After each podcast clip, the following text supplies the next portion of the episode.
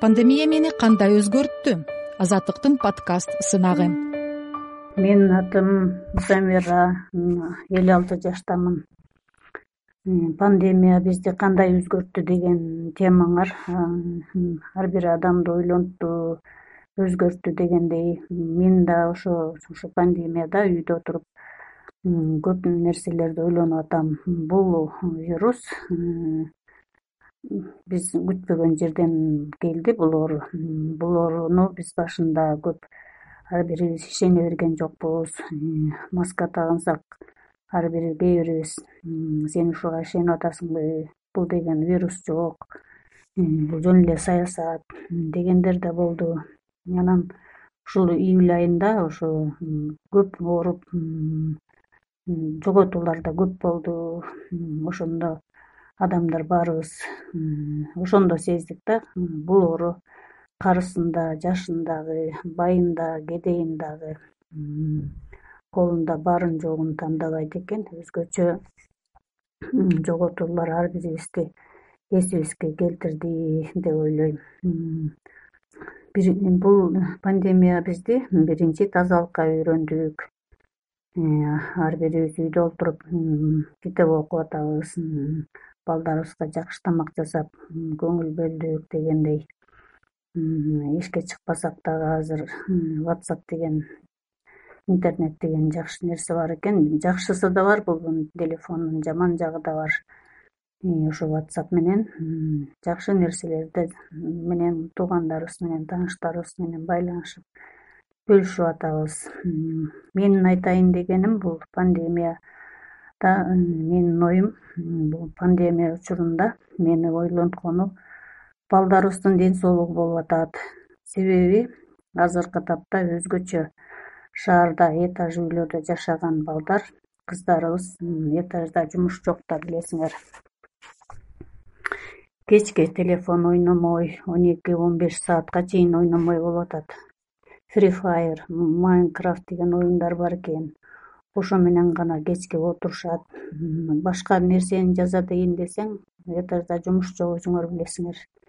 Эртең менен турмай тамак ичмей көп болсо мусор төгүп келмей болду. Калганы ушул телефон менен отурмай болуп атат. Бул балдарыбыздын ден соолуктарына абдан зыян болуп атат. Көп отургандан биринчи убакыт кандай өткөнүн сезбей атышат убакытты баалабай атышат экинчи бул жаратылыш жашоо кандай болуп атат? Күн ысып атабы күн бүркөк болуп атабы убакыт өтүп атабы эртең менен болдубу кеч болдубу кыш болдубу жай болдубу бул телефон аябай ошого кызыгып күндүн кандай өткөнүн түндүн кандай өткөнүн билбей атышат. Үчүнчү жалкоолук аябай күчөдү. Үйдө отуруп жалкоо болуп атышат да. Мисалы он мурун сабакка барганда жакшы болчу бир эсе эртең менен убакытта сабакка барышым керек. Мугалимдин астында жооп берип калышым керек деп сабакка даярданып жок дегенде сумкасын даярданып эртең менен турушум керек деп барып келип жакшы болчу. Тренировкаларга барчу эле балдарыбыз. Күн алыс болсо дагы аяктан кичине занимать этип ден соолуктарына пайда болчу.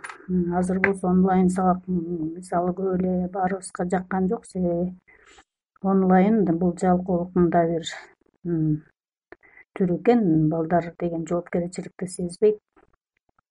Кайсы убакта сабак жазсын десем ой анан деле кетирем да деп эле бири бири менен сүйлөшүп алып же болбосо интернетке кирип ошондон көчүрүп алып эле кетирип коюп атышат.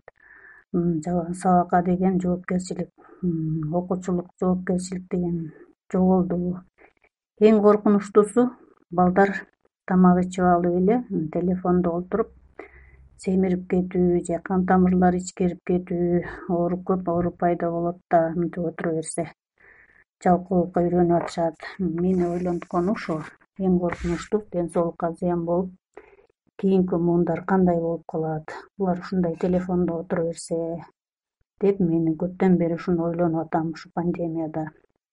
Менин оюм башка ата энелер деле ойлонуп атышса керек баары эле ойлонуп атышса керек. Ушу балдардан эмне кылсак деп себеби өзгөчө шаардык балдарга ушул нерсе керек болуп атат. Айылда болсо жок дегенде кыймыл бар огород жай деген мал деген эшикке чыгып оокат жасамай деген айылда кыймыл аракет бар. А могу шаардык балдарга менин ошо өзүмдүн жеке оюм ишкерлер же жаштар өспүрүм балдарга окуу башталса деле биринчи сменада окуса бир төрт саат экинчи сменада окуса үч саат балдарга оор келбей турган иш болсо өндүрүш болсо иштегенине жараша саатына күнүнө акча төлөп берсе биринчи эле ден соолуктарына жакшы болмок кыймыл болмок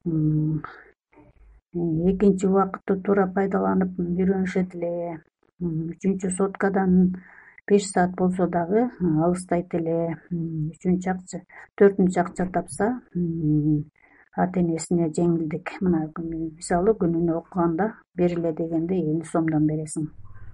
Жолуна анан тамак алып же деп өздөрү дагы ошол акча тапса биринчи бизге жеңилдик. Өздөрүнө дагы акча тапса акча таап ушинтип оокат кылсам болот экен иштер иштерман болсом болот экен деп ошо иштеген кишиден дагы көп нерсени үйрөтөт эле үйрөнөт эле